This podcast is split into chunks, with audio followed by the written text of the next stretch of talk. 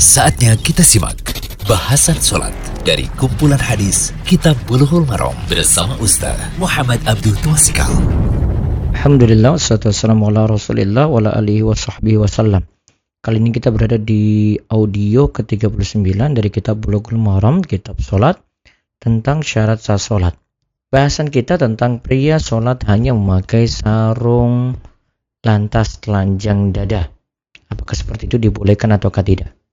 Hadisnya yang kita bicarakan hadis 208 dan hadis 209 dari kitab Bulughul Maram. Wa Jabir anna Nabiy sallallahu alaihi wasallam qala in kana thawbu wasi'an faltahif bihi yakni fi salati wa li muslimin fa khalif baina tarafaihi wa in kana dayiqan fattazir bihi muttafaqun alaih. Dari Jabir radhiyallahu anhu Nabi sallallahu alaihi wasallam bersabda kepadanya Apabila kainmu itu lebar, maka berselimutlah dengannya, yakni di dalam sholat. Dalam riwayat Muslim, maka selempangkanlah di antara dua ujungnya dan apabila sempit, maka bersarunglah dengannya. Mutafakun alaih hadis ini diriwayatkan oleh Imam Bukhari dan Muslim. Walahuma min hadis di Abi Hurairah la yusalli ahadukum fi thawbil wahidi laisa ala atikihi minhu syai'un. Diriwayatkan pula oleh keduanya dari hadis Abu Hurairah radhiyallahu anhu Janganlah seorang di antara kamu sholat dengan memakai selembar kain yang sebagian dari kain itu tidak dapat ditaruh di atas bahunya. Hadis ini riwayat Bukhari dan Muslim. Maka tadi di hadis 208 itu disebutkan apabila kainmu itu lebar maka disuruh tutupi ya pakai ketika sholat. Selempangkanlah di antara dua ujungnya dan apabila sempit maka bersarunglah dengannya. Nah, itu kalau sempit. Kemudian hadis dari Abu Hurairah yang 209 ini menunjukkan janganlah seorang di antara kamu sholat dengan memakai selembar kain saja. Sebagian dari kain itu tidak dapat ditaruh di atas bahunya. Nah, apa maksud dari hadis ini? Kita akan lebih paham kalau kita melihat faedah hadis yang ada. Faedah hadis, istilah saub dalam hadis adalah izar kain bawah atau ridak pakaian atas. Potongan kain yang disesuaikan dengan ukuran badan. Beda dengan gamis yang merupakan pakaian yang memiliki lengan baju dan menggantikan sekaligus pakaian atas dan bawah. Kalau gamis berarti satu style sekaligus ya. Karena menutup atas dan bawah secara bersamaan. Berarti kalau saub ini yang ada pakaian atas, ada pakaian bawah ya. Itu namanya saub. Terus faedah yang kedua, kalimat faltahif bihi adalah tutuplah badan sebagaimana memakai izar, kain bawah dan ridak kain atas. Berarti di sini perintahnya jika memiliki pakaian yang dapat menutupi atas dan bawah secara sempurna, itulah yang dipakai.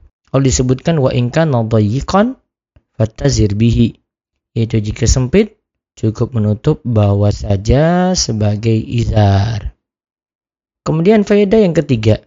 Sedangkan pada hadis disebutkan laisa ala atiki minhu syai'un yaitu yang sebagian dari kain itu tidak dapat ditaruh di atas bahunya. Yang dimaksud adalah perintah menutup bagian pundak atau disuruh memakai rida atau kain atas. Jadi eh, hendaklah pundak itu ditutup. Nah, itu bahasanya seperti itu.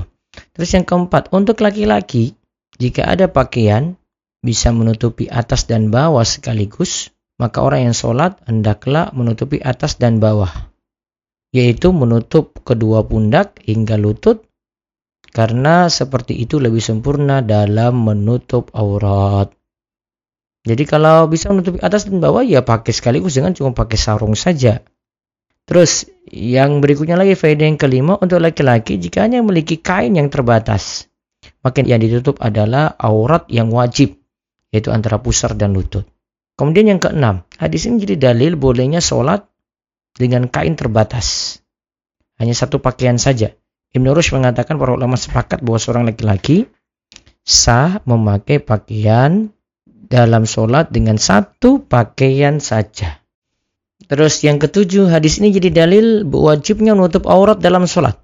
Aurat laki-laki adalah antara pusar dan lutut, sebagaimana batasan ini disepakati oleh ulama empat madhab dan inilah pendapat kebanyakan fukoha. Pusar dan lutut sendiri bukan termasuk aurat menurut jumhur ulama Malikiyah, Syafi'iyah dan Hambali. Ingat ya, pusar dan lutut sendiri itu tidak termasuk dari aurat.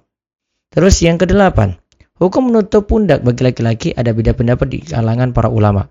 Ada yang berpendapat bahwa hukumnya wajib jika mampu sebagaimana pendapat Imam Ahmad, Ibnul Munzir, sekelompok ulama salaf dipilih Imam Bukhari dan pilihan dari Syekh Abdul Aziz bin Bas. Namun Imam Ahmad tidak mensyaratkan menutup pundak untuk sholat sunnah atau nafilah. Karena sifat sholat sunnah itu mabnahu ala takfif, yaitu dibangun di atas keringanan. Oleh karena itu dalam sholat sunnah masih boleh meninggalkan rukun berdiri saat sholat dan meninggalkan syarat menghadap kiblat saat safar atau perjalanan. Nah, sedangkan pendapat lainnya adalah pendapat jumhur kebanyakan ulama yaitu tidak wajib menutup pundak dalam sholat, hanya disunahkan dan wajib menutup aurat yang wajib saja. Ini pendapat jumhur ya. Pendapat kedua inilah yang dianut oleh Imam Malik, Imam Syafi'i, Ashabur Ra'yi, yaitu kalangan Hanafiyah. Mereka itu biasa disebut dengan Ashabur Ra'yi dan dikuatkan pula oleh Imam Nawawi. Alasan yang mendukung pendapat kedua adalah hadis dari Muhammad bin Al-Munkadir. Ia berkata bahwa ia melihat Jabir bin Abdullah sholat dengan satu kain. Jabir berkata bahwa ia melihat Nabi Shallallahu Alaihi Wasallam sholat dengan satu kain.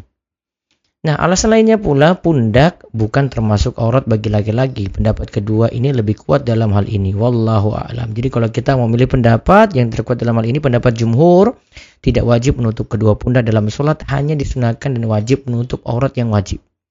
Tetapi sekali lagi ingat kalau punya pakaian yang lebih artinya bisa tutupi atas dan bawah tentu lebih afdol tutupi atas dan bawah seperti itu. Terus yang kesembilan, faedah yang kesembilan adalah syarat saran dari Syekh Abdullah Fauzan adalah seorang yang sholat mengambil zina, yaitu maksudnya perhiasan dirinya. Yang bagus adalah ia sholat dengan gamis, celana, dan menutup kepala. Atau ia bisa sholat dengan sarung, pakaian atas, dan imam menutup kepala. Karena Allah Ta'ala perintahkan kalau mau sholat, ya bani Adam, khudu zinatakum indakuli masjidin. Hai anak Adam, pakailah pakaianmu yang indah di setiap masuki masjid. Al-A'raf ayat 31. Dalam ayat ini dikaitkan dengan memakai pakaian yang indah, bukan dikaitkan dengan menutup aurat. Ini maksudnya adalah seorang yang sholat, memakai pakaian yang terbaik karena ia sedang berdiri menghadap Allah Subhanahu wa taala. Wallahu a'lam. Demikian bahasan sholat dari kumpulan hadis Kitab Bulughul Maram bersama Ustaz Muhammad Abdul Tuasikal.